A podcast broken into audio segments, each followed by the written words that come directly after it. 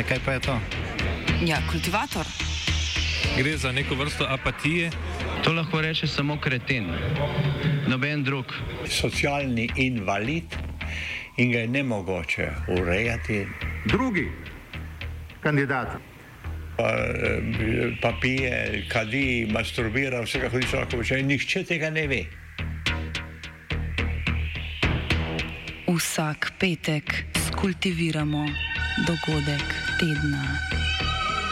Lahko po kriterijih radio študent, težko pa po evropskih kriterijih. Ampak na drug način, kot vi tu mislite. Kultivator vedno užge. da pač nekdo sploh omenja probleme, ki so in da pravzaprav sploh nekdo sproži dogajanje uh, v družbi. To drži, drži.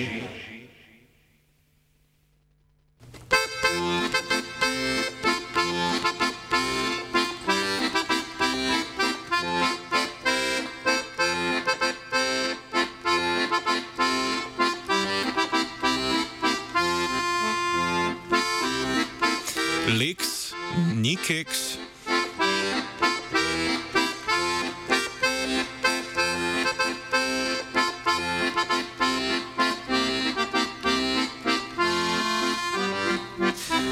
Tako naj mi pomaga Bog. S temi besedami zaključi novi član Nemškega zvezdnega ustavnega sodišča svojo zaprisego, da bo nepristransko presojal po črki zakona Nemške ustave. Slednja je tako kot v ostalih državah tisto osnovno vodilo, po katerem se ureja in usklajuje vse ostale zakone.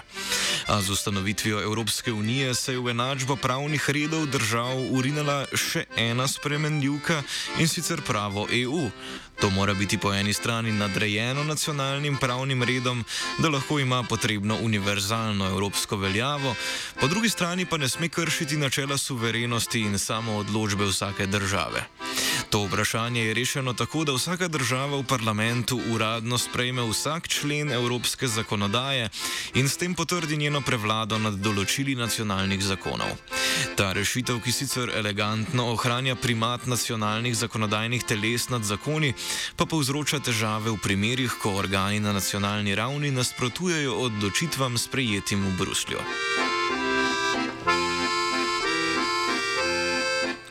Vendar, za razliko od ustavnih odločb v 70. in 80. letih preteklega stoletja, ko je Nemško ustavno sodišče priznalo primat Evropskega sodišča za človekove pravice, je pri institucijah, ki so vezane na pravo EU, glede priznavanja primata bolj zadržano. V kultivatorju danes o presojah Nemškega zvezdnega ustavnega sodišča, ki se nanašajo na delovanje Evropske unije, mehanizmu za okrevanje ter pritožbah nemških konzervativnih pravnikov in ekonomistov.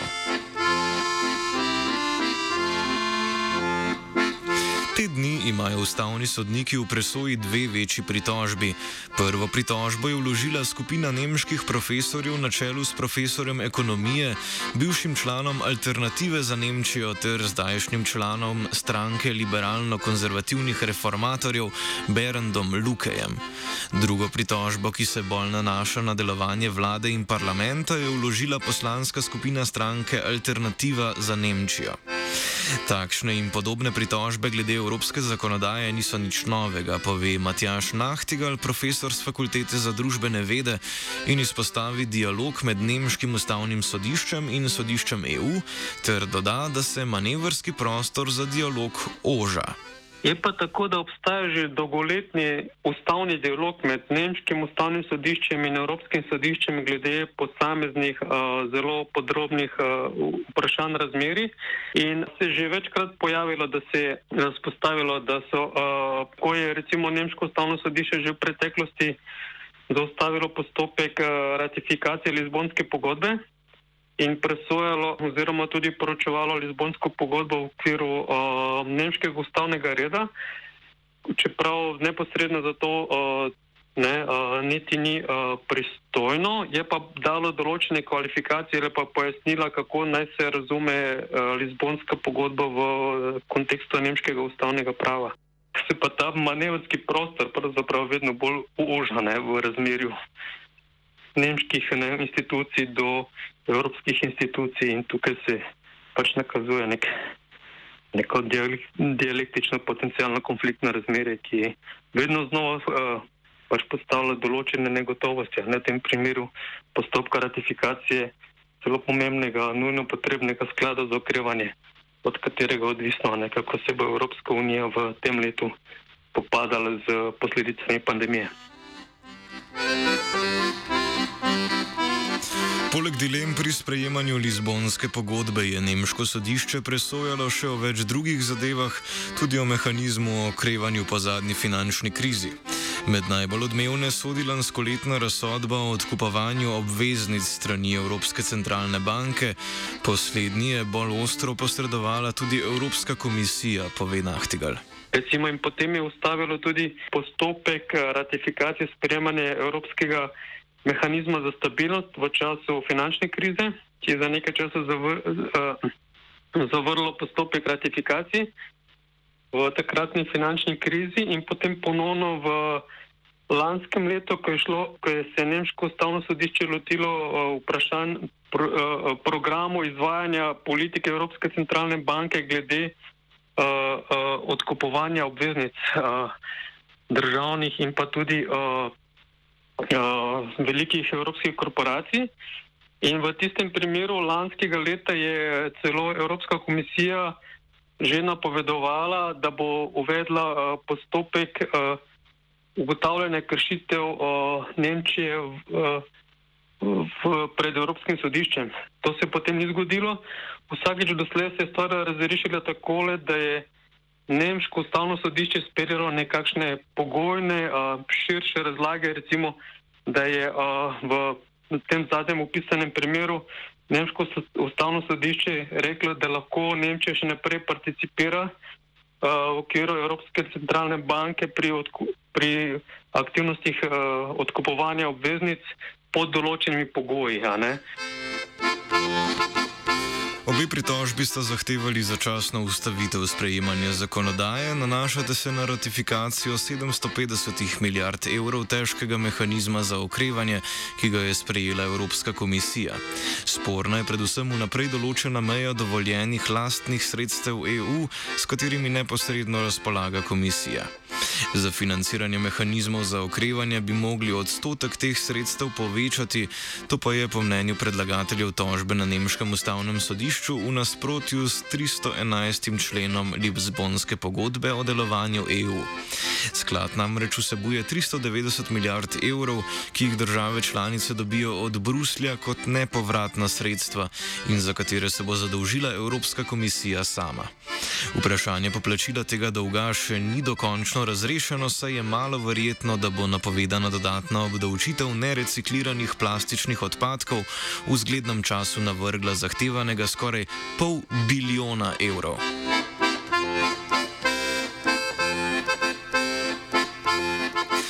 Spomnimo, da je usklajevanje glede tega paketa trajalo večji del prejšnjega leta, potem ko je bila takoj na začetku korona krize zavrnjena možnost uporabe zaradi trojke zloveščega evropskega mehanizma za stabilnost in izdaje evroobveznic, je sledilo večmesečno pogajanje o paktu, ki so ga najprej blokirale predvsem severne države, na koncu pa Mačarska in Poljska zaradi določila o pogojevanju sredstev s pravili o vladavini prava. Sedaj ga v večini presojajo in sprejemajo parlamenti držav članic EU. Nemški je to nalogo že izpolnil, da bi bil predlog zakona potrjen, je manjkal samo še predsednikov podpis, tudi predsednika je ustavno sodišče ustavilo, da bi presodilo o ustavnosti zakona. Pritožbi namreč izpostavljata domnevo, da mehanizem krši evropske pogodbe, ki se nanašajo na financiranje Evropske komisije, skupno zadolževanje držav članic prek scheme v okviru Evropske komisije naj bi bilo po mnenju podpisnikov pritožbe pravno neuzdržno.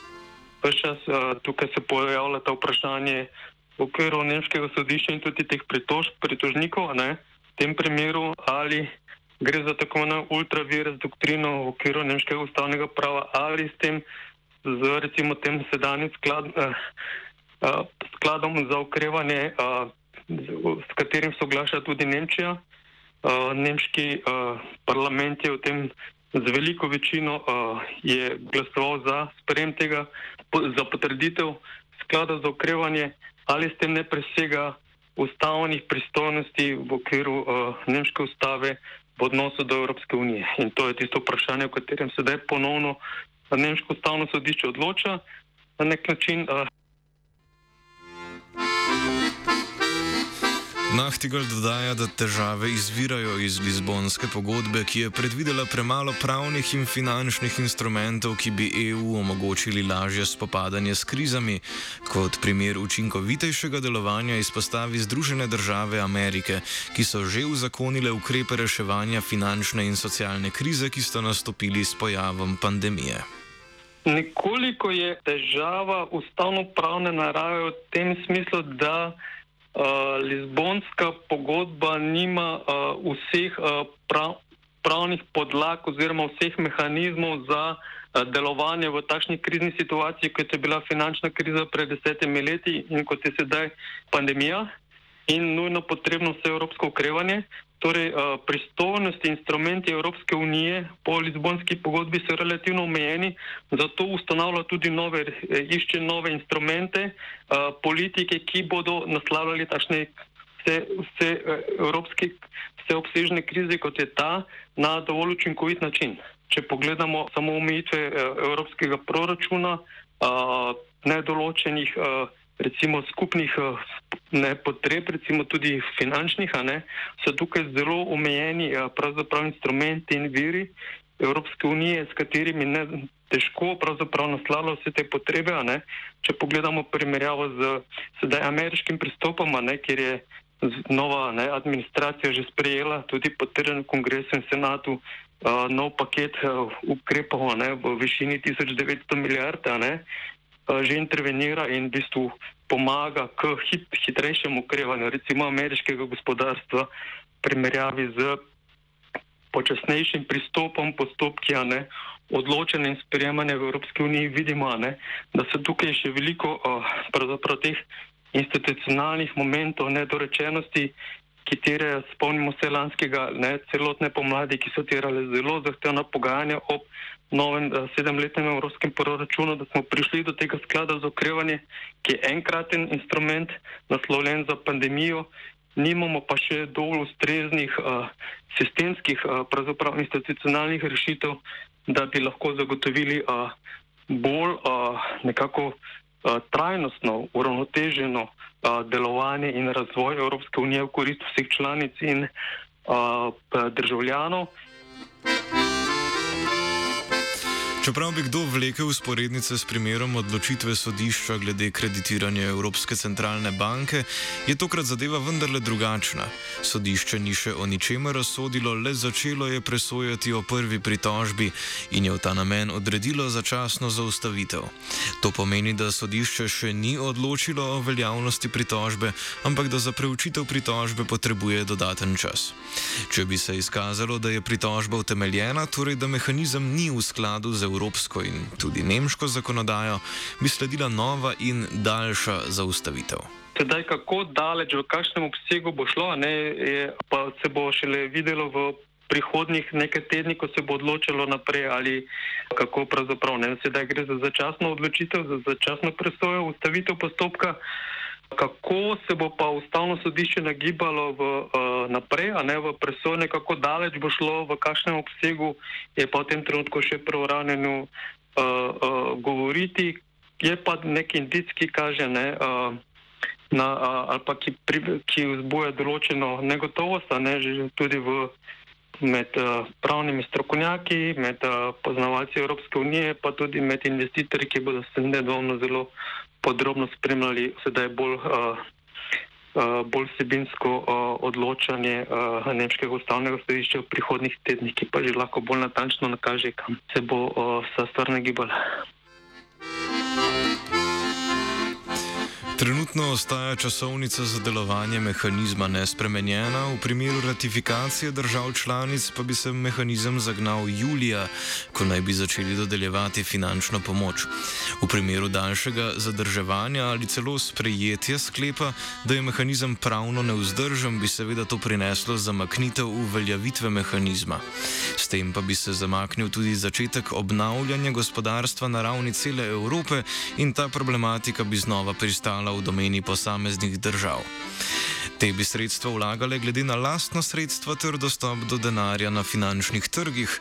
Ob tem je seveda treba dodati, da se to lahko zgodi tudi v primeru, da katera izmed drugih članic prepozno ratificira mehanizem. Ob spremljanju splošnega političnega dogajanja dobimo vtis, da je jasno, katera država ali stranka se nagiba k tesnejšemu evropskemu sodelovanju in katera se od njega oddaljuje. To, da tudi največje in najvplivnejše članice imajo pri določenih skupnih sklepih svoje zadržke, naprimer poleg Višegrajske skupine se spomnimo še skupine varčnih držav, ki so zaustavljanje sprejemanja sporazuma o okrevanju zaradi pomislekov o finančni vzdržnosti. Razlika je zgolj v tem, na kakšen način se zadržki izražajo.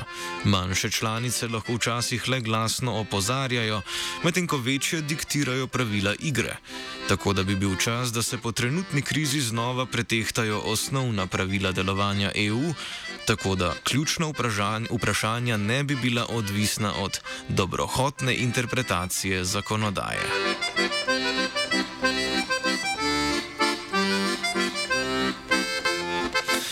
Spise je kultiviral vajenec Dominik s pomočjo navajenca Koruze